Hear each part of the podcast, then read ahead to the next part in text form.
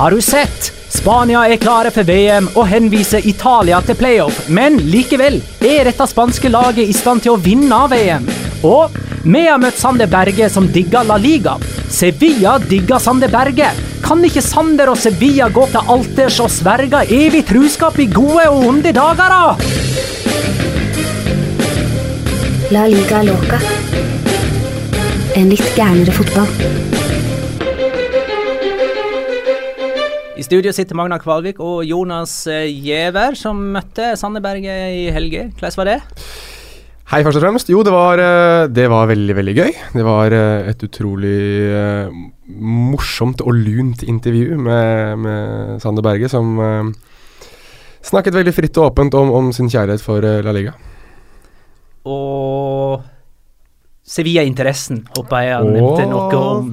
ja han nevner den eh, ved flere anledninger, eller jeg spør vel om det ved flere anledninger, og han svarer veldig fritt og åpent ved flere anledninger. Men han er, han er, glad i eh, La Liga, sant? Det var ikke bare noe jeg sa? Nei, han er veldig glad i La Liga. Han er eh, Jeg må ærlig innrømme at jeg var overrasket over hvor glad i La Liga han er. Fordi eh, det var et par ganger hvor jeg ble sittende og tenke at han her vet langt, langt mer enn jeg trodde han egentlig gjorde. Og når du nevner Durmisi, blant annet, uh, fra BT sine intervjuer. Da får du stjerne i boka hos meg, altså. Herlig. Vi kjører hele Jonas Giæver sitt intervju med Sander Berge i del to av uh, denne ukas podkast. Hei, Petter Wæland. Hei, Magna Kvalvik. Hadde du mer eller mindre fri denne helga, eller?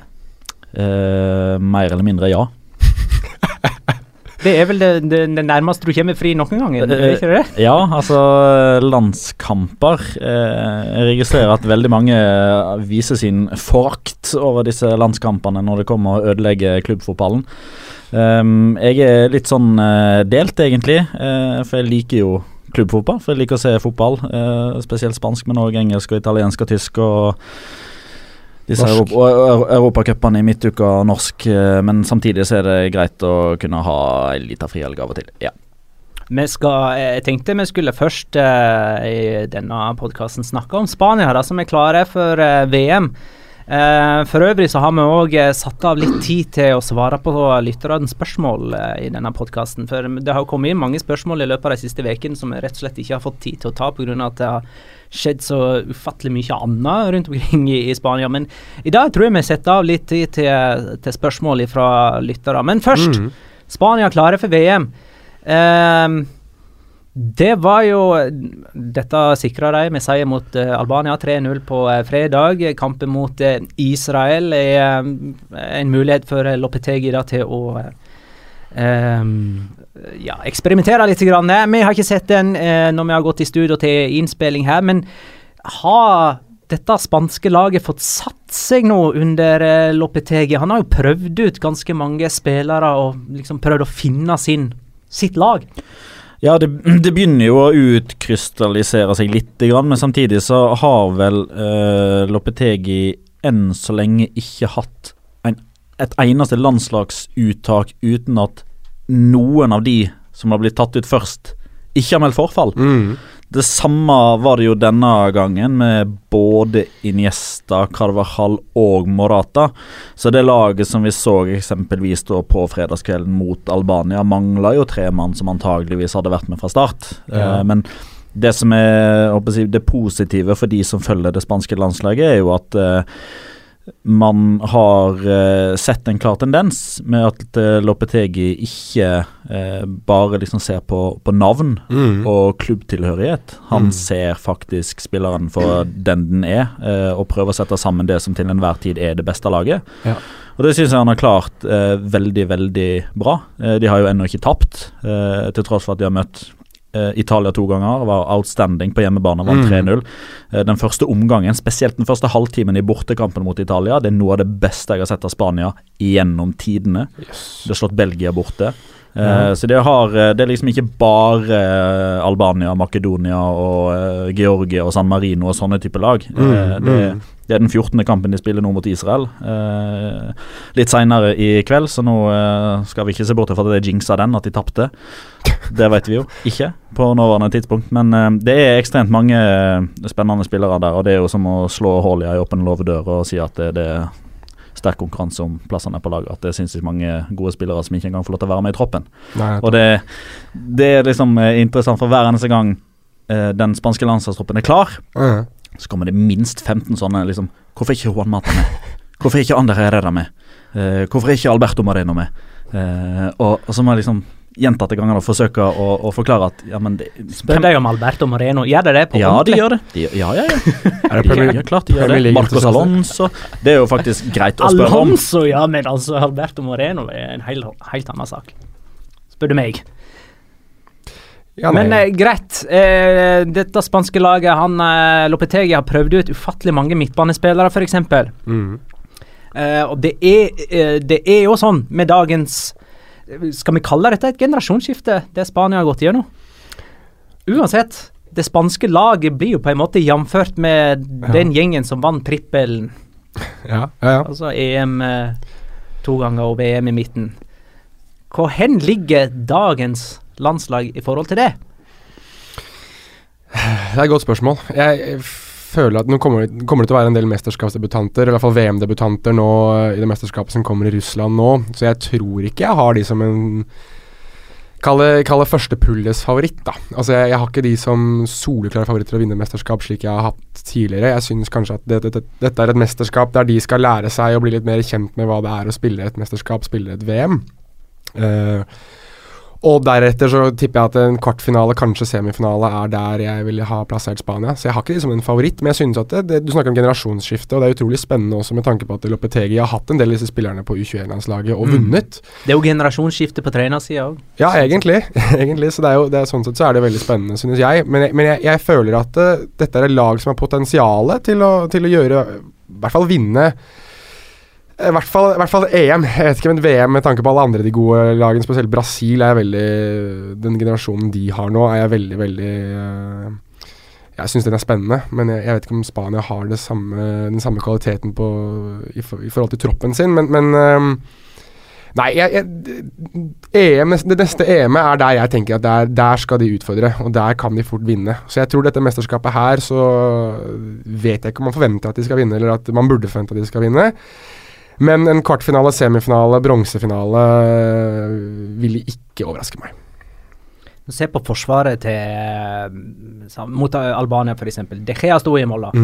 Og så var det jo Piqué, Ramos og Jordi Alba, og så var jo Odriozola inne der på, ettersom Carvahal var ute. Så det forsvaret er, sånn egen Og Odriozola gjorde det kjempebra, det har ikke lyst til å si noe sånt. Sier ingenting, jeg. Men sånn, Forsvaret var jo, er jo på en måte litt sånn av god gammel årgang. Eh, både Piqué, Ramos og Alba var jo med Ja. å vinne 2012, i alle fall. Ja, på. Men så kommer midtbanen, og der er vi sikkert også alle enige om at det er kjempegode spillere. Kåke, Saul, Tiago Thiago starta der eh, mot eh, Albania. Men er det liksom Alonso, Xavi og god gammel Iniesta-nivå på det der? Akkurat, akkurat nå så er det jo ikke det. det. Det er det ikke. Samtidig så er det jo Det er verdt å skyte inn at uh, den sammenligninga med, med Spania uh, anno 2017 uh, og kommende 2018 og sammenligne de opp mot eh, 2008, 2010, 2012, kanskje spesielt eh, 2010 og 2012, det er baksida av medaljen, det. Eh, Ja og de, de blir liksom sammenligna med det som av mange blir kalla det beste, eh, i hvert fall mest suksessrike landslaget kanskje gjennom tidene, Mm. med en prestasjon som ingen hadde klart før de, og som det kommer til å ta veldig lang tid, tror jeg, før noen klarer å kopiere. Så det jeg å si, Skulle Spania gå hen og vinne VM i 2018? Jeg tror ikke det. Jeg utelukker det ikke, men jeg tror ikke det. Eh, så kan det vel så mye være pga. at konkurransen er større. Mm. Eh, det kan være pga. at Spania anno 2018 er dårligere enn Spania anno 2010. Så det er liksom to, to sider av samme sak. Men kan jeg få stille spørsmål, da? Dette vet sikkert Petter mye bedre enn meg, men, men hvor mange av de som vant EM i, i 2008 og kanskje VM i 2010, debuterte i sitt første mesterskap i VM i 2006? Det må jo ha vært ganske mange som fikk sitt første mesterskap der og, først, og smaken på hva det var å være et mesterskap i det 2006-VM. Og det gikk jo ikke spesielt bra for Spania. Nei. Røk ut i kvartfinale, kan det stemme? Åttedels. Åttedels Var det mot åtte? Frankrike. Mm. Ja, åtte mot Frankrike, ikke sant. Og i 2008-EM-en så vet vi alle hva som skjedde. Det som skjedde etter det, var jo Som du påpeker, kanskje tidenes beste landslag. Så jeg, jeg, jeg Hvis vi skal prøve å dra en form for sammenligning, da, så vil jeg nesten tro at den årgangen som kommer nå, er, er 2006-Spania, da. Grunnen til at jeg stiller disse spørsmålene som jeg gjør, det er egentlig at de, de har hatt sine to akseptable dårlige mesterskap nå siden forrige triumf. Altså jeg Ja. mener, etter at de vant sitt tredje mesterskap på rad i 2012, så venta jo folk litt på nedturen i 2014, og den kom jo med et mageplask. Ja. Eh, og de klarte heller ikke å heve seg noe sånn kjempemessig i, i 2016. Og, og så er liksom spørsmålet er, er Spania nå i stand til å liksom å klare å stabilisere seg, litt sånn som Tyskland, som liksom er der oppe i semifinalenivå hvert mesterskap nesten. Og hvis de ryker ut i en kvartfinale, så er det stor opprydding. Ja, nei, jeg, vet ikke om de er Jeg vet ikke om de helt er på Tyskland-nivå helt ennå, men de sånn vil konstant være en kvartfinale, semifinale Jeg vet ikke. Jeg ser at du, du blir litt sånn eller eh, At man blir usikker på det, men, men uh, jeg, jeg synes at, jeg synes at Spania, da, for, for å ta det Toppnivået til Spania er muligens det høyeste nivået, i hvert fall i Europa. Det, det, det mener jeg. Da, de, da overgår de Tyskland for meg. Og jeg ser, på, jeg ser på Tyskland som det mest stabile laget i, i Europa. Men om det eh, sammenfaller med at de, er, at de er verdens beste landslag per 2017, det vet jeg ikke. Spesielt når vi har et lag i Brasil som, som jeg ser på som den soleklare favoritten til å vinne neste sommers uh, VM. Er Brasil soleklar favoritt? Jeg synes det. Ja. Jeg synes virkelig det. Jeg, Ikke Argentina, altså. hvis de kommer dit. Hvis de kommer dit. Nei, men, nei, men for, å, for å gå tilbake til det som egentlig var spørsmålet, for nå, det var en liten digresjon fra meg. Men jeg, jeg, ehm, jeg tror at de er veldig på vei. uh, og jeg synes det at kvaliteten de har i laget sitt generelt sett, og det laget de på en måte eh, setter ut på banen hver eneste gang nå med Lopetegi, som jeg var veldig skeptisk til da han tok over, ser bedre og bedre og bedre ut. Og jeg er jo en skeptiker, og har alltid vært en skeptiker, så det kan godt være det er jeg som er overpessimistisk her, men, men jeg føler at de er på vei til i hvert fall nå Litt det samme som Tyskland, da, men jeg vet ikke om du kan rangere det over fem mesterskap. Skal man rangere det over ti mesterskap? Jeg vet ikke. Tyskland har liksom siden 98 så har de alltid Eller 98-2000 rundt 2000. Ja, 2000. Da røyk de ut i gruppespill. Ok, da. Fra, fra, fra 2002 til Uh, 2000 og Ja, det er vel sånn cirka det. Ja. Jeg tenker jeg kjapt der. Jeg klarer ikke å ta alle mesterskap i hodet. Hvordan gikk det i 2004, egentlig? Da røk det vel ut litt tidligere, tror Ja, jeg. jeg må ha skuffa der i Portugal. Jeg husker ikke helt. Men jeg må ha bumpa der en plass. Ja, og i 2006 så tok de bronse. I 2008 spilte de finale. 2010 tok- de bronse. I 2012 så røyk de ut tidlig. I 2004 så røyk de ut av gruppespillet. Ja, Ja. det gjorde de i 2012 okay, også. eh, Nei. I 2012 røk de ut ganske Eller de ut mot Italia, da, i kvartfinale. 2016 snakker du om. Da røyk de ut i åttendedelsfinalen. Ja, 16 ble det da. Ja. 14, 14 vant. 14 ut av gruppespillet. Ja. VM. Ja, ok. Greit. Vi snakker vel om Tyskland nå. Men, vi- vi snakker om Tyskland. Å ja. ja, Petter. Jeg veit Du er, du er du, eh, kanskje, kanskje er det sånn at du er litt sånn rusten på multitasking nå? At, Ja. eh, Siden du Altså, er jeg er, land, jeg Du har- er landslagsmodus. Du har hatt en frihelg, du, vet. Så du Jeg er landslagsmodus. Ja, Jeg må tilbake i vater. Vi snakker om Tyskland, vi nå. Og de eh, røk vel ut i gruppespillet. Eller røk Ja, Jeg veit ikke om vi skal ta dette resonnementet så altfor mye lenger. de har, de har i hvert fall impon vært, De imponerer i mesterskap etter mesterskap og er alltid med enten i en semifinale, finale eller eh, veldig ofte i de to, eller så kan de ha ett dårlig mesterskap imellom der. Så jeg, og jeg tror Spania er på vei til å nå det. Det, det mener jeg. Og så får vi se om de klarer å stabilisere seg såpass. Er Morata, bare for å gå tilbake igjen til laget, er Morata det ubestridte spissvalget? Akkurat nå så er han det. Mm. Og, og hvis, han, eh, hvis han fortsetter å holde målformen ved like, så er han det. Og når eh, VM-sluttspillet starter.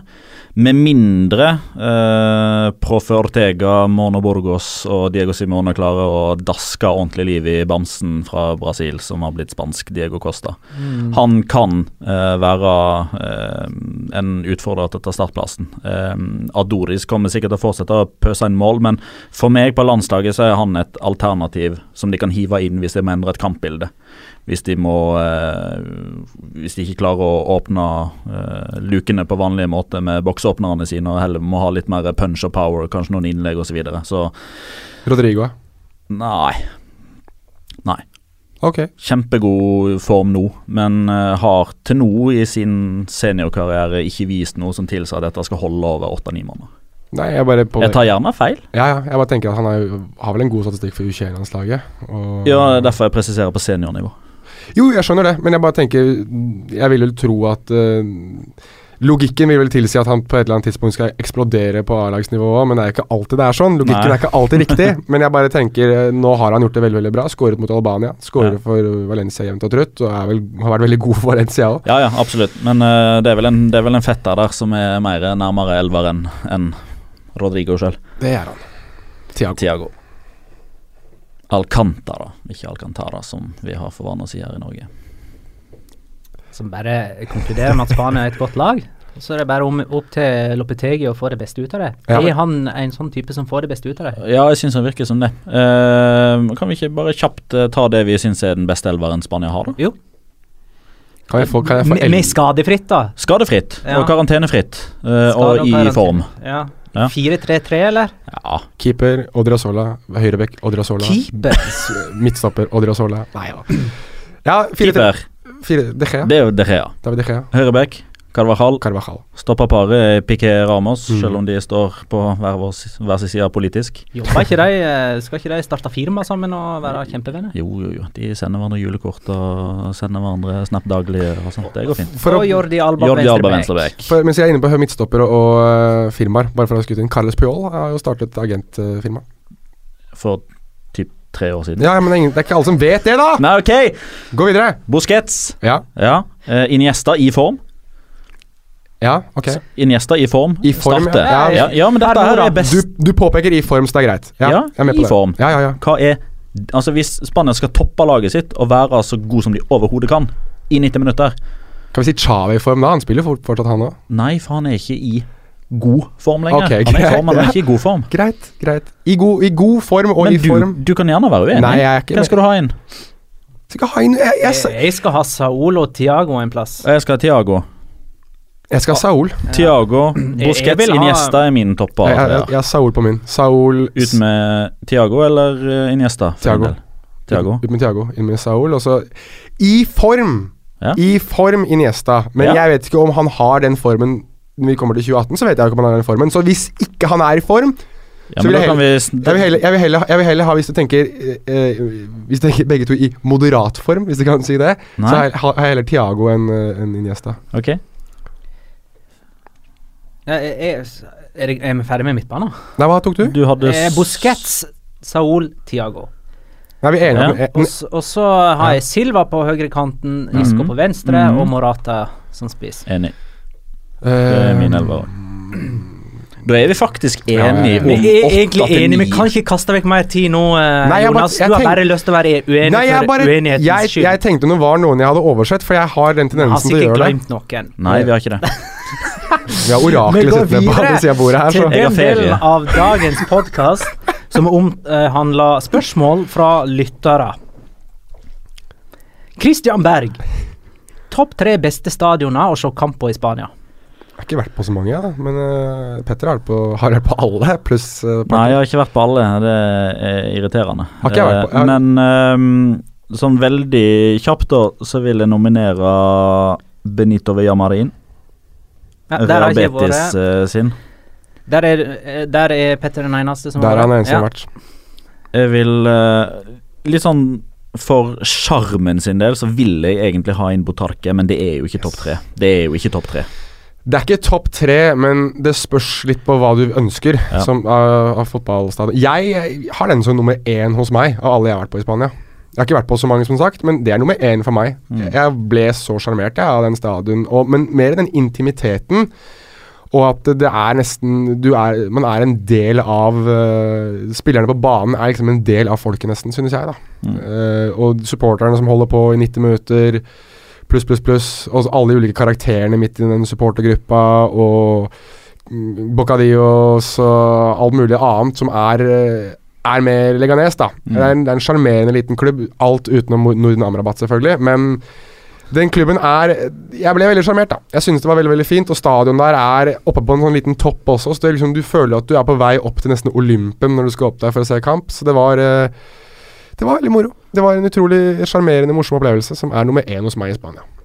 Topp tre hos meg, da. Én Benito Villamarin, to San Mames, tre Ramón Sánchez. Nye San Mames, eller? en god blanding. ok. Altså, jeg, jeg kan jo ikke anbefale folk å reise på gamle Sandnes nå, for den er jo lagt ned. Ja, men Den er jo jevna med jorda. topp tre stadioner. Vi sendte Calderón, eller? Jeg kunne jo nevnt den, men den, den er ikke der lenger. Eller jo, den er der, men det spilles ikke tror, lenger. jeg tror jeg tar med Santiago Bernabeu. Altså, det er ikke den verste plassen å se fotball på. Og så tar jeg Mestalla, og så nye Samames. Ja. Mm. Jeg syns det, det beste med Santiago Bernabeu er de fem minuttene før kamp. Ja, Når spiker leser opp lagoppstillinger. Nei, når klubben går. jeg er enig. Altså, jeg er ikke Det er altså, men, men det er et eller annet med Det er Placido Domingo, ikke det, som, som har den. Mm. Eh, når den runger ut der Fytti katta. Det veldig det, det jeg kan si om Santiago Bernabeu Nå har jeg det sånn at jeg eh, Store stadioner til de største lagene i verden for Nå snakker vi om en kar som har vært på Old Trafford en god del ganger også. Det er ikke noe sjarmerende over det lenger. Det er, du, du føler at du er, er en turistattraksjon. Uh, er den følelsen jeg satt igjen med de gangene jeg har vært på store store stadioner. Men det er noe mektig ved å være på Santiago Bernabeu. Det er noe du føler at dette her er stort. Du, du, det er noe som og spesielt Samme med, finner- samme med kamp nå, Mm. men av en eller Ja, annen grunn så ja. får jeg enda mer turistfølelse der, faktisk. Ok, ja, nei, jeg har ikke vært på kamp der. Derfor så kommer den på fjerdeplass. Det er en Stor opplevelse. det Fantastisk. Ja, men du, du, du føler at du er, du føler at du Du er skal treffe egentlig den rette kampen der, altså. Ja, Ja. du skal det. Uh, men sånn, sånn bublere, som de sier i nabolandet. Uh, Botarque og Iporoa. Det er liksom, hvis du er glad i fotball eh, hvis, hvis du vil se fotball og bli sjarmert og bli glad i en klubb, føle engasjement, så er det Leganes og Eibar som skiller seg ut. Og Henrik Lervik. Topp tre backer i La Liga. Kjører litt topp tre nå.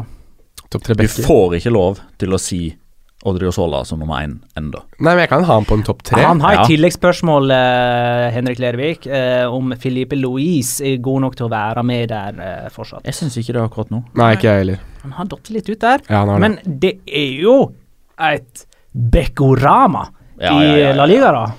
Så, jeg, altså, jeg du- husker for noen år tilbake Magna, så satt meg og deg og snakka om eh, at backplassene til Spania var akilleshælen. Jeg lurer på om det var Kapte Villa-tida, eller? kan du, eh, ja, ja, rundt da. Men, men da var det høyrebekken i tillegg, fordi da var Sergio Ramos fortsatt back på høyre Fortsatt back på var det før liksom Juan Fran fikk etablert seg der? eh? Ja, Var det da Juanito ble tatt ut på landslaget og sånn også? Ja, han var stoppa, da. Ja, Han Betis. ja det er han jeg tenker på. Ja. Men, uh, Men, men nå derimot, altså Og det begynte jo med nå er det La Liga, da, og ikke nødvendigvis Spania. Jo, jo, jo, men, Men, men, eh, likevel. jo, jo, men, men Spania òg, da. gjerne hånd i hånd, da. Så ser du. For der, for der var det jo egentlig Valencia som egentlig var litt sånn pioner, og fortsatt er litt pioner På i mine øyne, med å få fram venstrebacker som hadde slått gjennom på ungdomslandslag som venstrekant, Ja, sånn, ja. Mm. og flytta ned et hakk. Og utvikla de defensive genene samtidig som de alltid sprang opp og ned. Denne, Ja. og, og, og det er litt den skolen som er den spanske back-skolen nå, der Alvaro Odriozola er det siste av mange eksempler, og ja og det kommer til å komme flere òg. Aron Martin er en annen der. I Spanjol. Ja, Mm. Men topp tre, da. Jeg, jeg, jeg Carvajal øh, Hall og Marcelo Det går jo ikke an å ikke ha de med. Det blir jo bare rart å ikke ha med Ja, bekkene til Semedo har Barcelona og definitivt potensial til å komme, komme inn der. Men skal vi Men nå kjenner jeg at jeg møter meg selv litt i døra. Er det Altså, Jordi Alba er jo høyt der oppe for meg også, men jeg Han har jo hatt en så vanvittig åpning på Han har det. eh, Mm. sesongen. Han har. Så det er, det er Det er Marcelo Alba må kan man, kan man gjøre det til tre høyrebekker, tre venstrebekker? Får man lov til det? Jeg har ikke så god tid. Nei da. Nei, Snart men, tid for Sander Berge-intervju nå. ja, det er det. Uh, nei, jeg synes um, jeg, jeg, jeg, får være såpass nøktern og, nøktern og si at uh, Jordi Alba er sistemann på den lista, men at uh, Alvaro Odriozola er veldig ja, nær. han, han kommer dit snart. Ja, han er veldig, veldig nær. Så det Men da er vi enige om det, da. Marcelo Carvajal og Alba. Ja, Hvorfor ikke?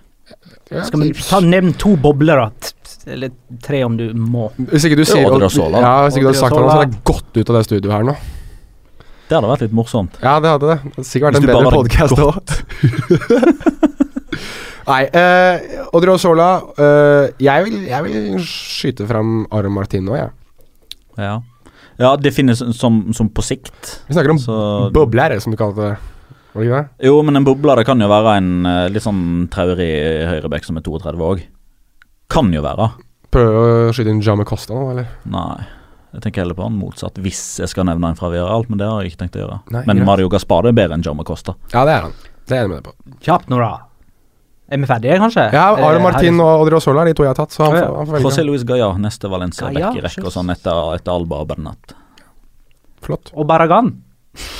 Han har fått okay, en nå ny, sier jeg litt på han har spøk, fått en ny vår på høsten. men altså Ny vår på Det er ikke så verst, det han har prestert. Elendig Premier League, for øvrig. Eh, Trond Brandal ville for en tid tilbake at vi skulle snakke litt om Atletic Klubb, og nevnte Monjain i samme slengen. Og vi har ikke fått snakka om Monjain med etter at eh, det famøse fant sted. Nå har han Hygge fått en ny korsbåndskade som holder han ute. Hvor lenge? Det er seks til åtte måneder, det er alt etter hvordan Det er jo nitrist, da. Det er det. Sehuelva Romper sto det i eh, Han er ødelagt igjen, sto det i eh, marka. Og jeg vet at Petter mente at jeg, at jeg synes det tok, tok det litt uh, Litt tabloid, men, men jeg synes uansett at det er en litt sånn morsom sjargong i, i spansk uh, presse innimellom, hvor de skriver at spillere er ødelagt og sånn. Men så sto det veldig pent. Hvor gammel er Monjaino? 42 90, desember 92, kan jeg. Blir 25. 25, altså. Han er like gammel som meg. Eh, kan jeg stemme Var ikke han bortimot Var ikke han sånn 16 da? 19. desember 1992. Ja, ja. ja, Så han er 24. flere blir sånne, flere sånne korsbåndskader som har holdt han ute i nesten eh, et år. Men han, han, klarte på en måte å komme tilbake til den forrige, da. Han var jo bedre enn noensinne nå. Ja, Mm. nå ja. Men eh, det tok jo litt tid før han liksom kom dit igjen etter den forrige skaden. Ja, det Men, stemmer. men pila har jo peka Altså etter at han var frisk òg, Ja. ikke bare rehabiliteringen. Mats Oppheim lurer på når blir neste quiz? Og den er jo allerede torsdag denne veka her, eh, på pokalen, for det er jo hver torsdag. Det er det. Men vi har jo en ny en eh, den 9. november.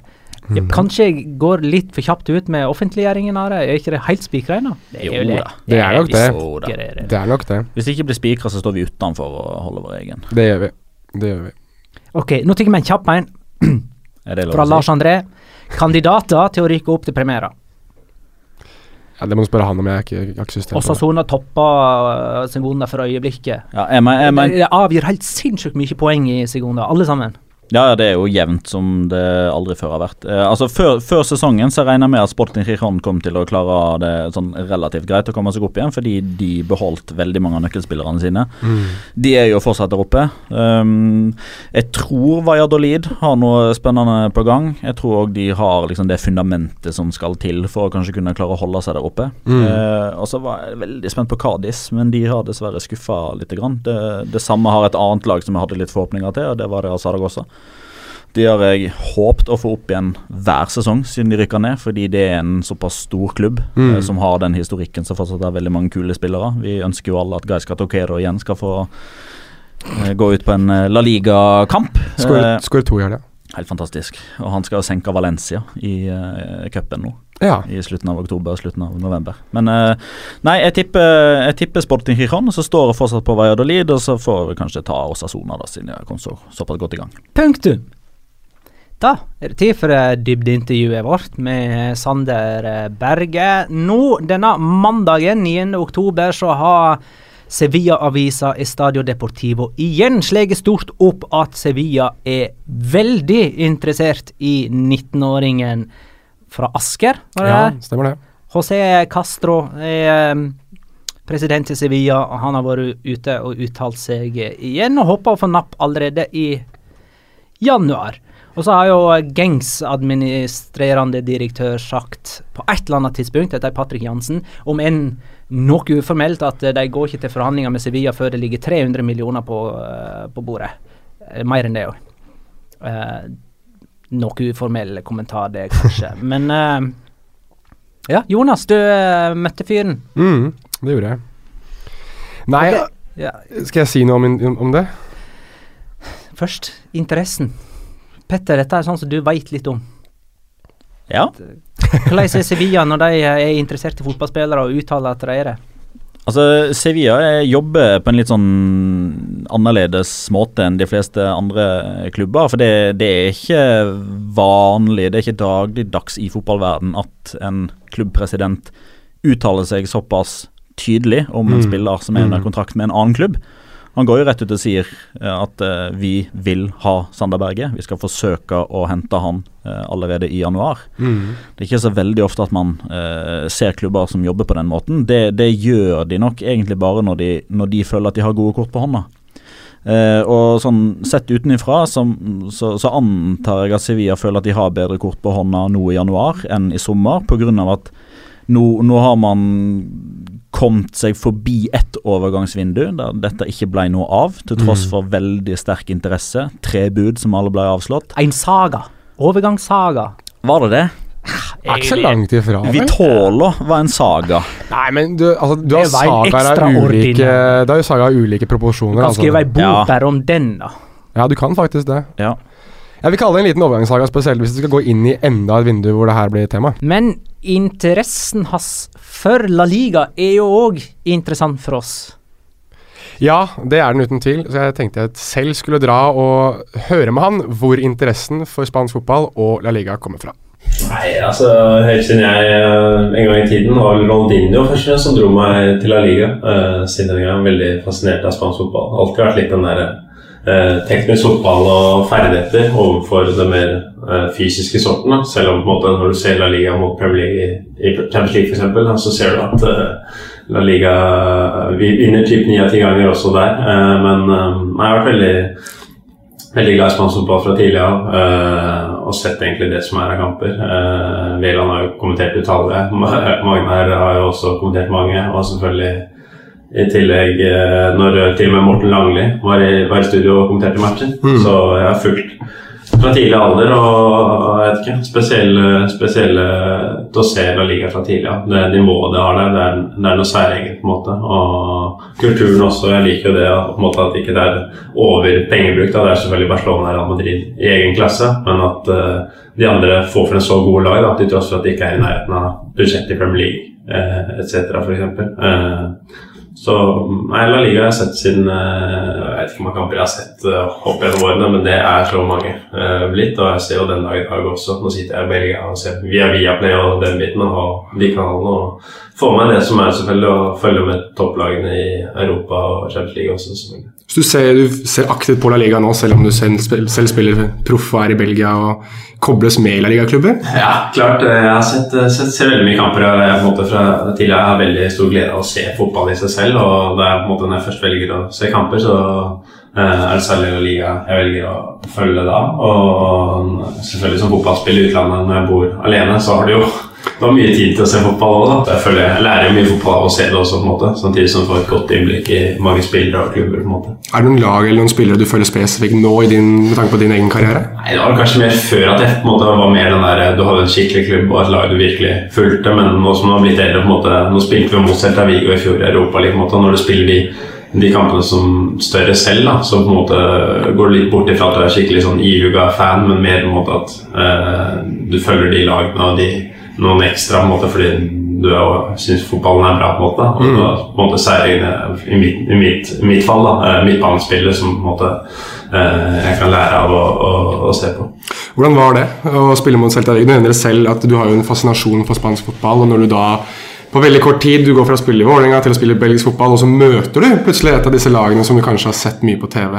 Eh, hvordan, den, hvordan føltes det? Nei, Det var utrolig. Jeg husker vi satt i lunsjen her og så på, så på trekninger. liksom. Det er mange gutter som bare Ja, la oss få United nå, liksom. Men jeg tenkte bare faen, det var fett å dra til Spania der, liksom. da. Så var det bare men Vi dra, dro og trente selvfølgelig dagen før matchen, eh, men eh, på kampen, når det står alle spanjolene utenfor og blusser når vi kommer der, og så var det bare fullsatt av den elektriske stemningen gjennom hele kampen. Eh, ja, Det var helt rått. altså. Nå fikk vi en liten leksjon der, særlig første omgang, men Nei, Det var kult. altså I tillegg Gudetti, da, som jeg begynte å prate litt med. og Sist var jo voldsomt god også, mm. men de har jo mye veldig mye gode spillere der. og Jeg endte jo opp i dopingkontrollen etterpå med, med Barcelona-stopperen eh, Fontas og begynte å prate litt her. Det var jo kult. da. Ja. Eh, Å stå, sitte og prate litt med han og høre litt. og Veldig, veldig hyggelig fyr. og Det var to eh, kule oppgjør altså, for å treffe de aller, aller fremste der. Så Celta Vigo er et veldig godt lag. Hva tenker du om det? Du nevner litt selv at det var Sisto fra Danmark, Vass fra Danmark, Gudetti fra Sverige. du har andre klubber som har, eh, har Skandinavia, men det er veldig få nordmenn. Uh, har du noen tanker om det at det er veldig få nordmenn i La Liga?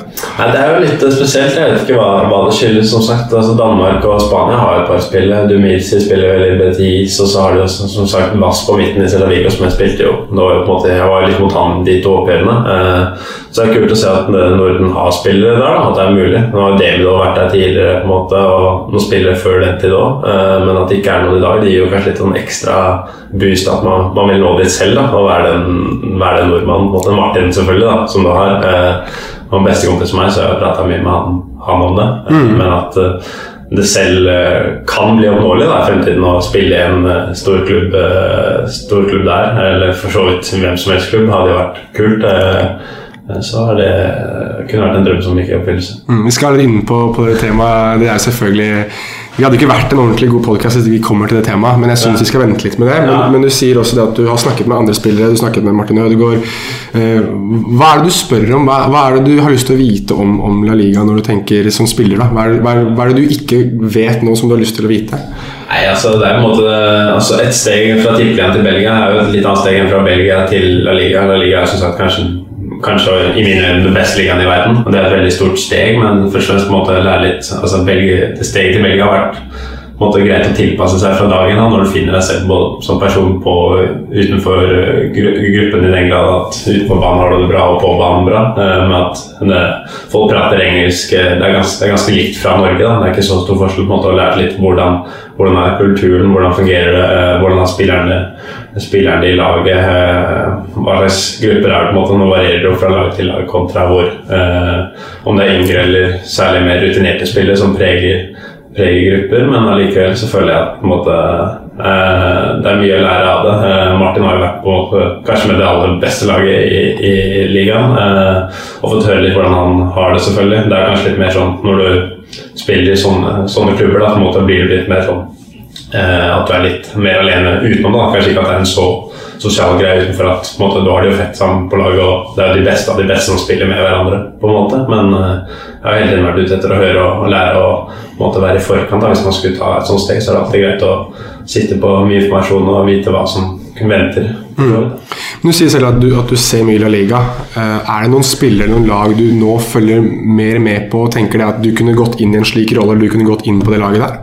Nei, altså ja, Man prøver alltid å forestille seg måte, hva, hva kunne man Hva gjør han som du ikke gjør akkurat nå? Hvorfor spiller han der?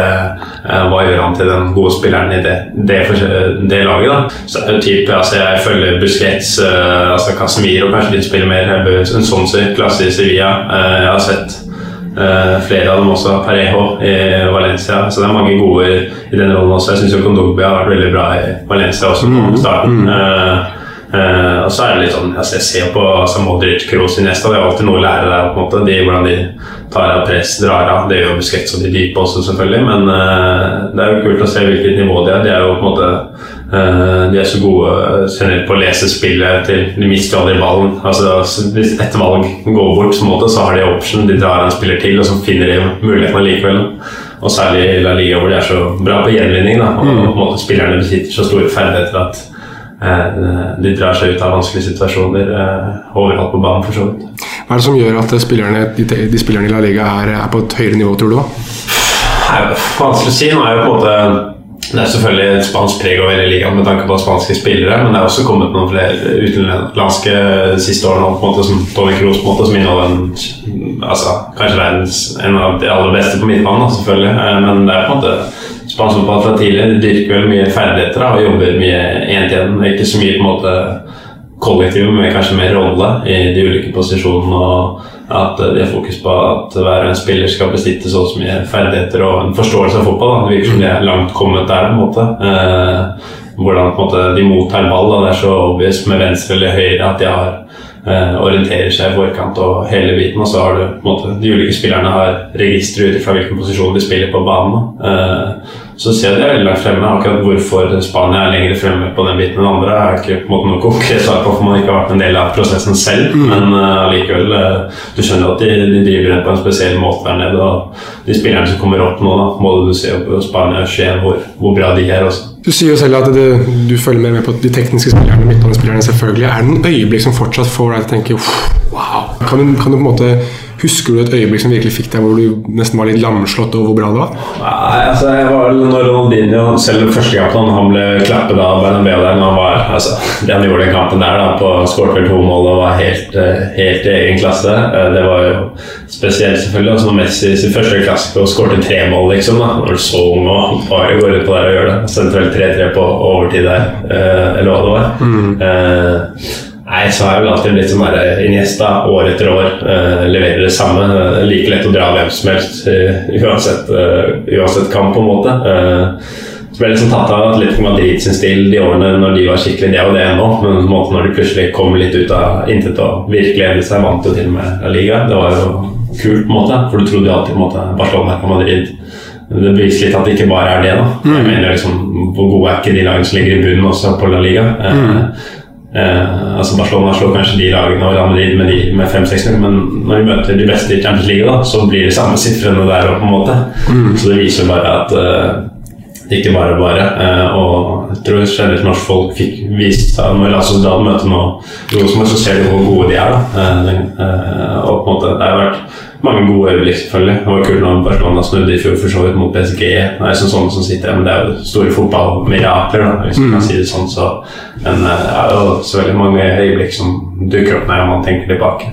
Hva tenker du om, eh, tenker du om årets eh, La Liga? Har, du, har du noe som har imponert deg eller skuffet deg? Nei øh, Jeg var litt spent på Barcelona etter de to kampene mot eh, Real Madrid. Hva som skulle, hva, hvordan skulle heve seg. på en måte Eh, Ny trener og Dembélé på kanten der. Selvfølgelig fikk han skade, men starta veldig solid. Har gått eh, Messi har vært strålende, selvfølgelig. Og eh, man har glemt litt sannheter enn Mara den grunn, muligens. Real Madrid er kanskje litt sånn altså, Jeg vet at de kommer. De er jo, de er jo ekstremt bra. Et par 1 kamper der kanskje gjør litt sesongen litt ekstra spennende. De må komme litt fra, fra uh, litt dårligere start. Uh, Sevilla selvfølgelig nummer to gjør det bra. Atletico Madrid oppe i toppen. Uh, mange lag som imponerer. og Det blir en spennende sesong. Det ligger, Premissene ligger til rette for sånn. Et lag som det høres ut som du følger veldig godt, er jo Sevilla.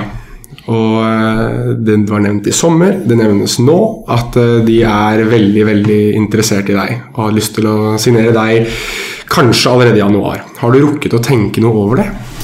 Nei, altså Det er jo ganske spesielt for en ung gutt fra, fra lille Norge i fotballsammenheng. da, på en måte Den ene dagen så tok jeg menisken med Vålerenga. Vi er i ferd med å rykke ned Tippeligaen, og så spoler du ikke et helt år frem med en gang, og så er det på en måte de spekulasjonene. Eh, Det er litt sånn på en måte surrealistisk for min del. Eh, Men allikevel, det er jo Man man må jo bare glede seg over den stunden og på en måte vite at det er sånn. på en måte. Det viser jo at du har utviklet deg mye og har gjort mye eh, rette ting. Og selvfølgelig at eh, Sevilla, som er på en måte Champions League hvert år, hvis de ikke vinner Europaligaen, som de har gjort en del, eh, at de, de viser eh, såpass interesse, da, det gleder jo veldig. Og det er egentlig bare en kjempekul følelse og hjelper selvfølgelig i hverdagen på det arbeidet man ligger ned. I sommer så var det snakk om at de først hadde lagt inn et bud på 8 millioner euro, 10 millioner euro og også 12 millioner euro. Når du hører slike summer og en sånn klubb koblet med deg, eh, hva tenker du?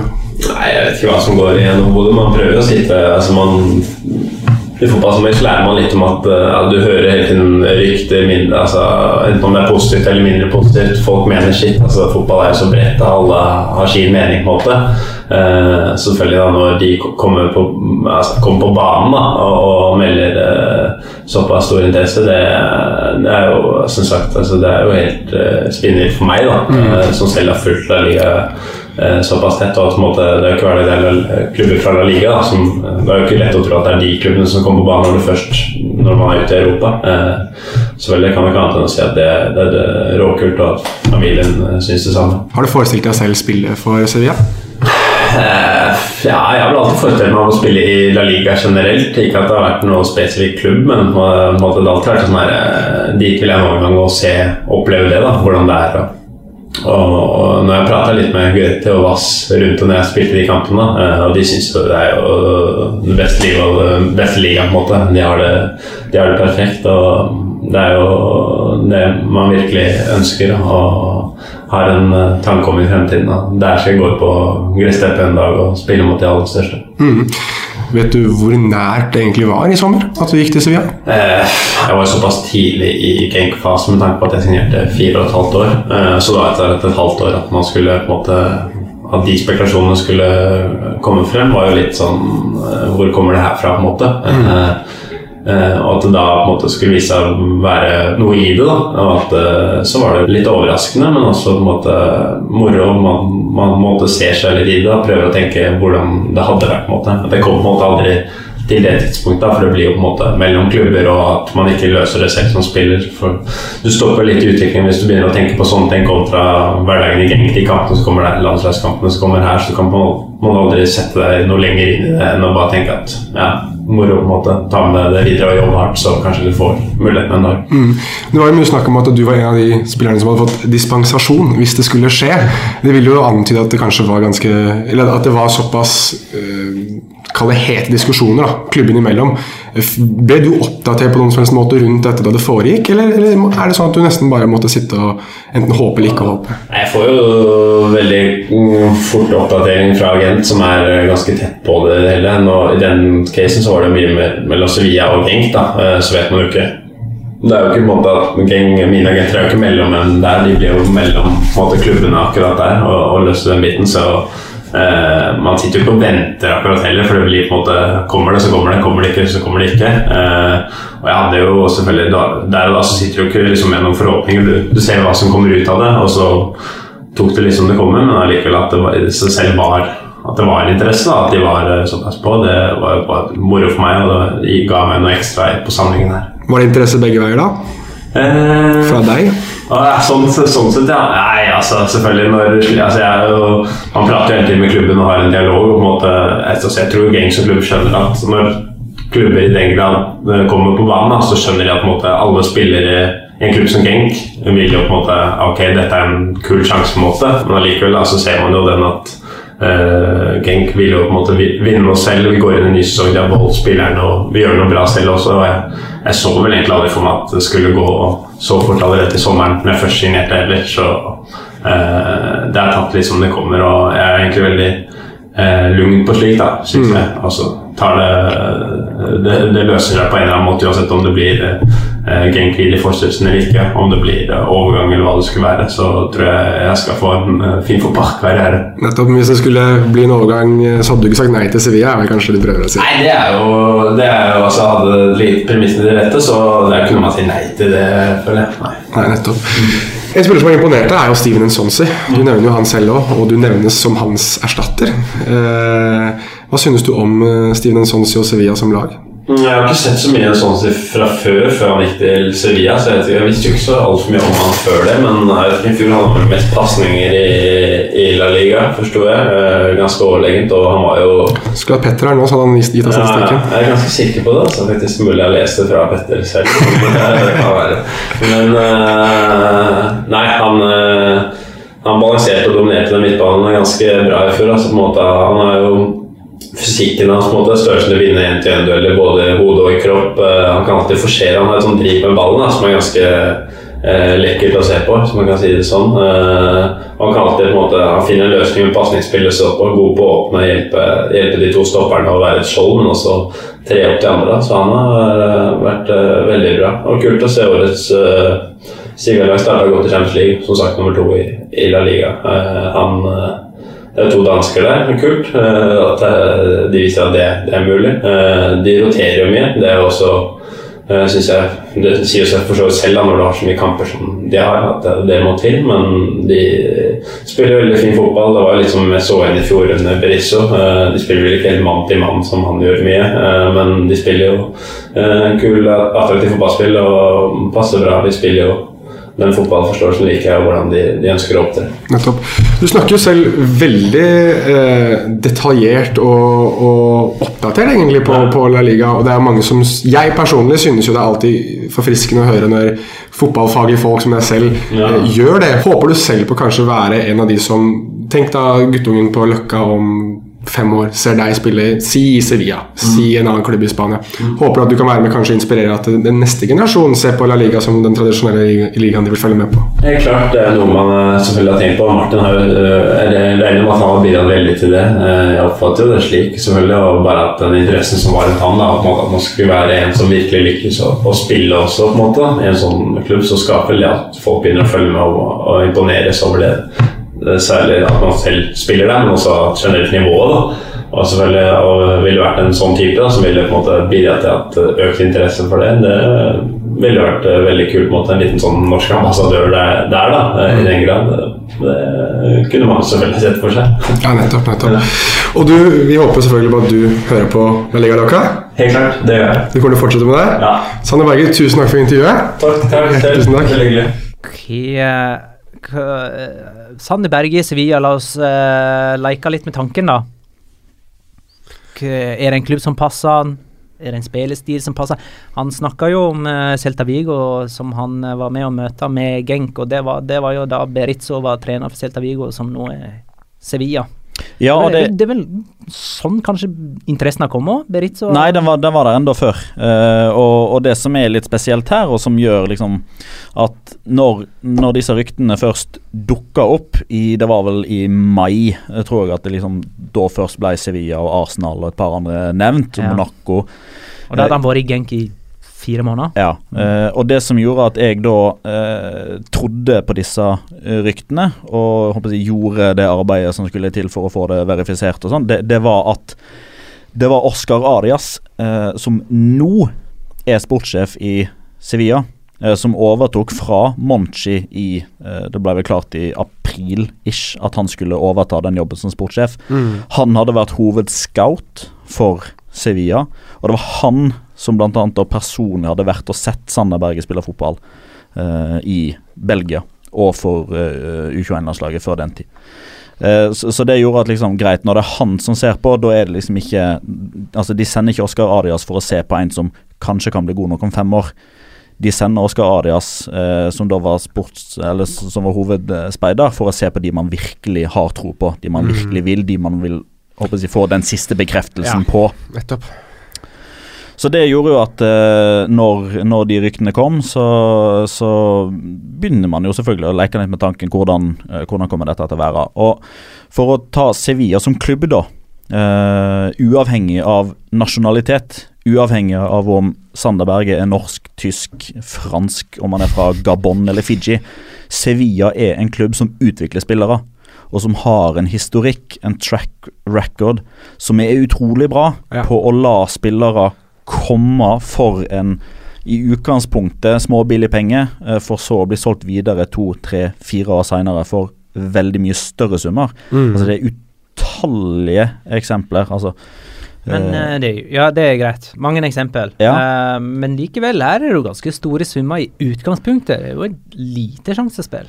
Jo men, jo, men grunnen til at jeg nevner summene, er bare for å tydeliggjøre at spillerne har blitt bedre i løpet av tida i Sevilla. Mm. Uavhengig av av prisen. Det er liksom bare med på å tydeliggjøre det. Eh, eksempelvis Daniel Alves, som ble henta for ingenting og solgt for eh, enorme summer til, til Barcelona. Eh, altså Keita, Bakka altså det, det, det er tonnevis av eksempler. Syns det er litt interessant at Sanne Berge sjøl nevner roteringen til Sevilla. Ja, At ja. det på en måte impliserer at han sjøl ser for seg en mulighet til å få spille sånn jevnt og trutt. da.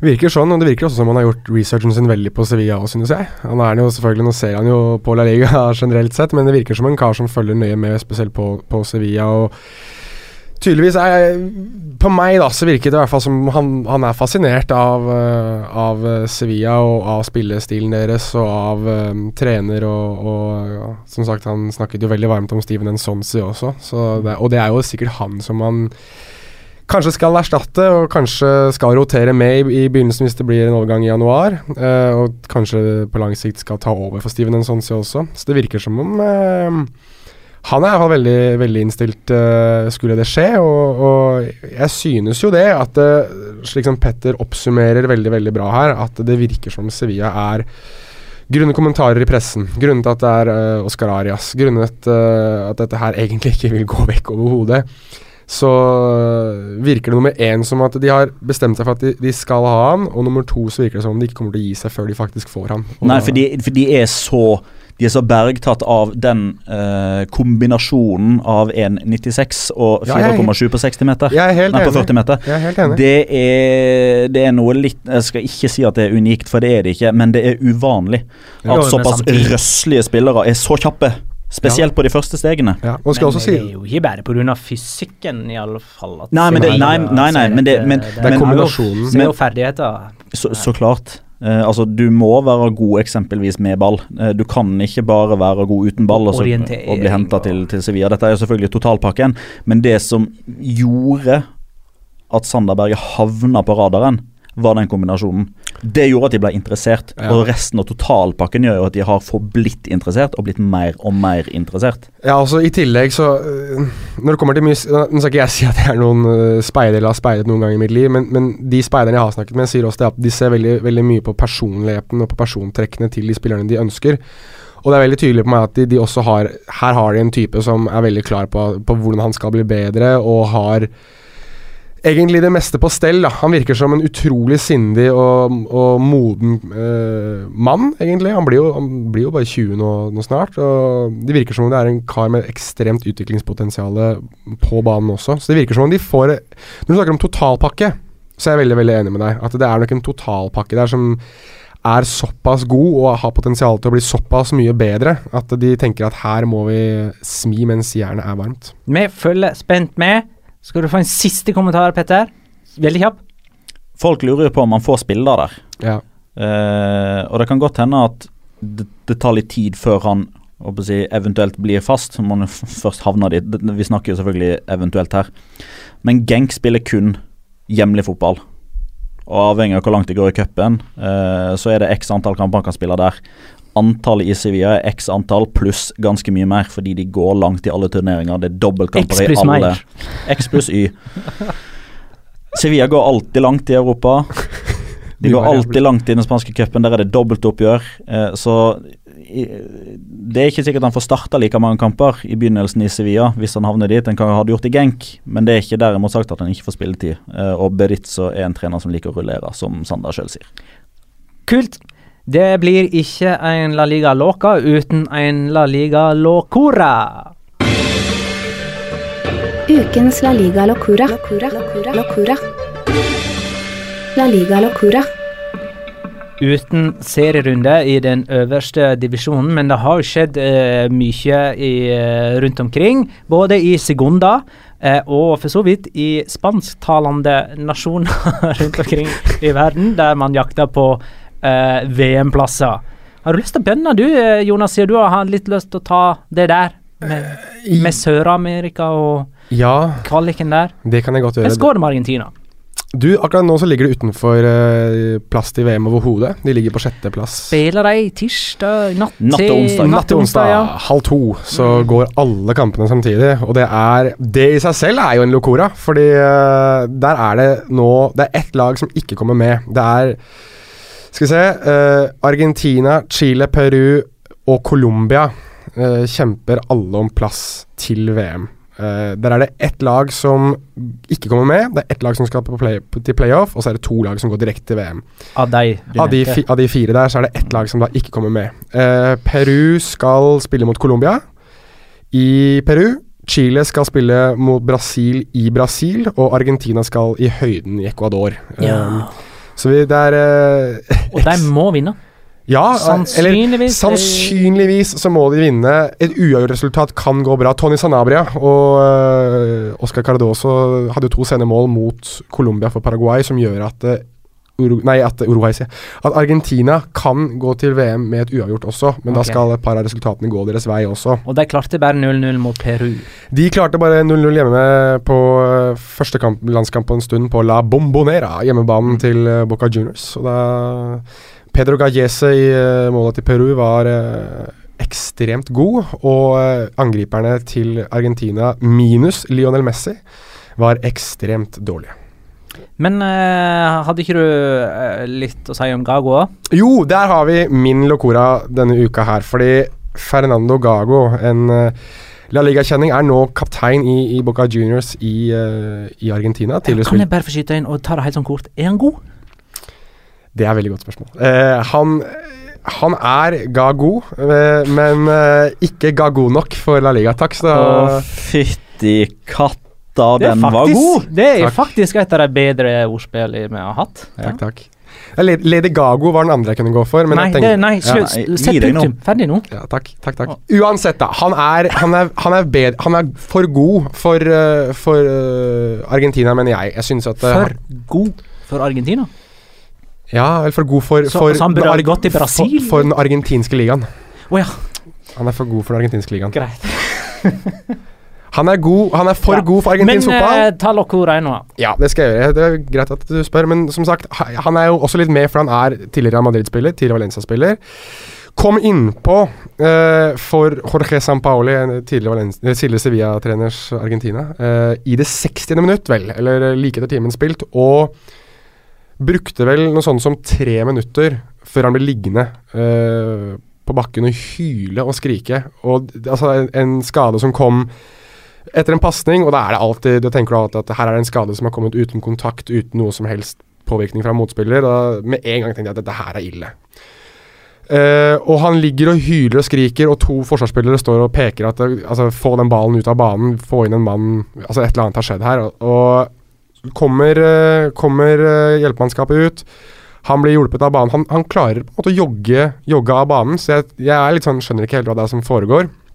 Og så skyter de over til sidelinja, altså Argentinsk TV skyter over til sidelinja, hvor han altså rett og slett står og hyler og skriker, eller ligger og hyler og skriker på fysioen at 'send meg utpå igjen, jeg skal utpå igjen'. Og du hører også at fysioen sier at du, du, altså, du kan ikke spille. Det her, det her kommer til å bli ille, og det siste man hører han hyler, er 'no importa'. Det, jeg bryr meg ikke. Uh, så de lapper han sammen. De vrir altså, altså de vrir sånn surrer nesten en sånn tørkle rundt kneet hans og liksom prøver å Sier Stabiliserer det ja, og som mulig. stabilisere det, det de kan, da. Og sier klart ifra at det her, det her kommer ikke til å gå. Og så kaster han utpå igjen, og jeg satt og så dette her på argentinsk TV. Uh, og han, altså, kommentatorene sier at Gago, Gago beveger seg ikke. Altså Han kan ikke bevege seg, han må av. Og Sampaoli hyler og skriker og hopper opp og ned på sidelinja og sier at du må av banen, du må av banen. Og det virker nesten som det er en sånn slags eh, shouting match mellom Gago og trenerbenken, da. Og eh, kommentatoren hyler ut, hyler ut at Gago er Rocky Balboa. Altså, han gir seg ikke.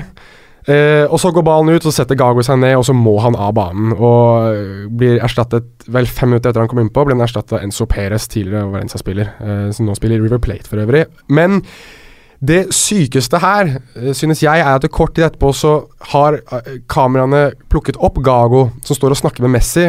Som Messi lurer på hva som har foregått, og da sier eh, Sier Gago på spansk Me rompí los cruzados. Sier han, Du ser at, han, at de har liksom Ja, ja, munnen hans. Og det betyr Jeg har røket korsbåndet.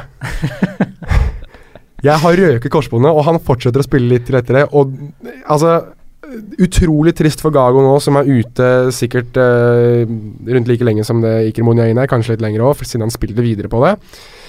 Men det, jeg synes, eh, synes at det er locora å spille videre, men samtidig så, så er det sånn Det er litt krigersk, syns jeg, at han faktisk i det hele tatt våget å prøve.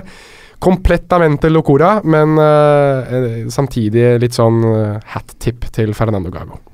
All right. Jeg tar eh, litt eh, segunda locora, jeg, da. For det at Gaisca Tokero skåra faktisk to mål for Real Saragossa. Uh, og det skal egentlig ikke gå an, for det at Gaisca Tokero er den spissen i verden som skårer aller minst mål. Han er 33 år gammel og har hatt en lang karriere. Aldri skåra tosifra antall mål i løpet av en sesong. Nå har han tre mål på åtte kamper for Saragossa. Da kan det skje! For første gang i hans karriere, kanskje hans siste mulighet. Og eh, Håvard Leon Skjold, som jeg vet eh, hører på, er en stor fan av Gaiska Tokero. Jeg håper det går eh, Drømmene dine går i oppfyllelse. Han var jo aktuell for Viking i sommer, Gaiska Tokero. Det Ja, i hvert fall, eh, Leon Skjold fra Rogaland ønsket i alle fall at han skulle komme dit. En gang i tiden så, jeg, så omtalte jeg Gaiska Tokero som en spiller som enten var i duell eller i offside. Det er de eneste to tingene han egentlig kan, men i helg så skårer han altså to mål. Og Og så- en liten shout Jeg skulle egentlig påpeke det at Håvard Leon Skjold har for øvrig en vikingdrakt med Stokero Ja, på ryggen. med Altså- nummer to. Ja, med nummer to. Mm, selvsagt, for han klart. spiller med nummer to. Og så gir jeg en shout til Han gjorde, Eh, han gjorde det i Atletic. Han har Ja, dessverre nei, ikke ja, nummer to i Zaragoza nå. Mm. En shout til Sergio Herrera, keeperen til Osasona, som redda tre straffespark. Ene ble jo tatt to ganger av pga. en eh, feil, men likevel. Han redda da kan du si, han redda to tellende straffespark, og laget hans, var, laget hans vant 2-0. Og Osasona toppa tabellen. Din Locora? Eh, Petter? min locora er en generell betraktning over eh, toppene på de eh, individuelle statistikkene i La Liga. Her kommer snacksen din, vet du. Dette er det du elsker. Statistisk Locora. Jo, men dette her er ikke noe som jeg har gravd eh, fram eh, ved hjelp av eh, trylleformler og dypdykk. Dette er det åpenbare, som ikke er uh, det åpenbare. Toppskårerlista, da. Eh, med unntak av eh, Lionel Messi, som jo egentlig er litt locora. Elleve mål på sju serierunder. Mer enn han har gjort noensinne. Så er, det liksom, så er det fem mål ned til de som er nummer to, som har skåra seks mål. Ja. Det er ikke Cristiano Ronaldo. Det er ikke Luis Suárez. Det er ikke Aritza Doris. Det er Simon Antoine Griezmann. Det er ikke Antoine Griezmann. det, det er Simone Sasa og Maxi Gomez. Simone Sasa som eh, blir huska først og fremst da av to ting. Det er straffesparket i Så minner For du Italia. På, på det, altså. Ja. Du minner oss på det hver gang vi snakker om Simone Sasa. Altså. Jo, men, jeg, jo, jo, men altså, Greit, hva videre. tenker folk på Kan ikke vi når få Simone Sasa blir nevnt? Du, du blir jo så irritert på alle de. Ja. Men du må ikke bidra til det sjøl, da. OK, gå videre. Det er Locora at han har skåra seks mål. Og Maxi Gomez, som eh, vi har faktisk snakka om uh, litt, da, har jo òg fått en flying start på, på Celta Vigo-karrieren. Ja. Uh, Cedric Bakambo nummer fire med fem mål. Så spissparet til Betis, Tony Sanabria og Sergio León som har eh, fire mål. Og den som topper assistlista, det er jo Andres Guardado, som har seks målgivende etter sju serierunder. Og han har òg en kamp der han ikke spilte. I tillegg har han vært innbytter i en kamp. Carlos Soler er nummer to. Uh, og den som har fremprovosert flest gule kort denne sesongen, den er ikke allment tilgjengelig.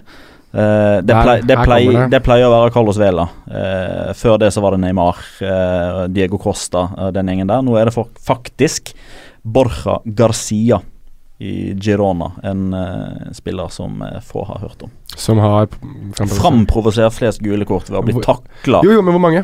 Åtte. Det er greit imponerende, da. Så over ett i snitt, da. Ja, det er imponerende. For, uh, for, for to sesonger siden så var det Carlos Vela som hadde flest med 30. Forrige sesong så var det Neymar med 34. Så Borja Garcia ligger foran skjemaet. Ja. Mm, Minne om at til helga så spiller Atletico Madrid mot Barcelona på El Metropolitano. Og så spiller Atletic Klubb mot Sevilla på uh, nye Samames. Mm, Det er en beauty. Real Betis mot Valencia. Ja, den skal, den skal jeg kommentere, den gleder jeg meg til. Getafe Real Madrid òg kan nevnes. Jeg ønsker dere ei god La Liga-helg. Kan jeg si noe før du slutter? Før du avslutter? Eh, kom igjen, da. Uh, siden jeg vet det kommer til å bli nevnt, så eh, det, det blir ikke eget, et eget segment, men tommel opp til uh, Nordin Amrabat. To målgivende i 3-0-seier for Marokko eh, over Gabon. De trenger å slå Elfenbenskysten eh, i november for å kvalifisere til VM. Første VM siden 98. Det klarer de helt sikkert ikke, fordi Nordin Amrabat spiller der. Amrabat skal til VM, det skal ikke Messi. Takk for følget, kjære lytter.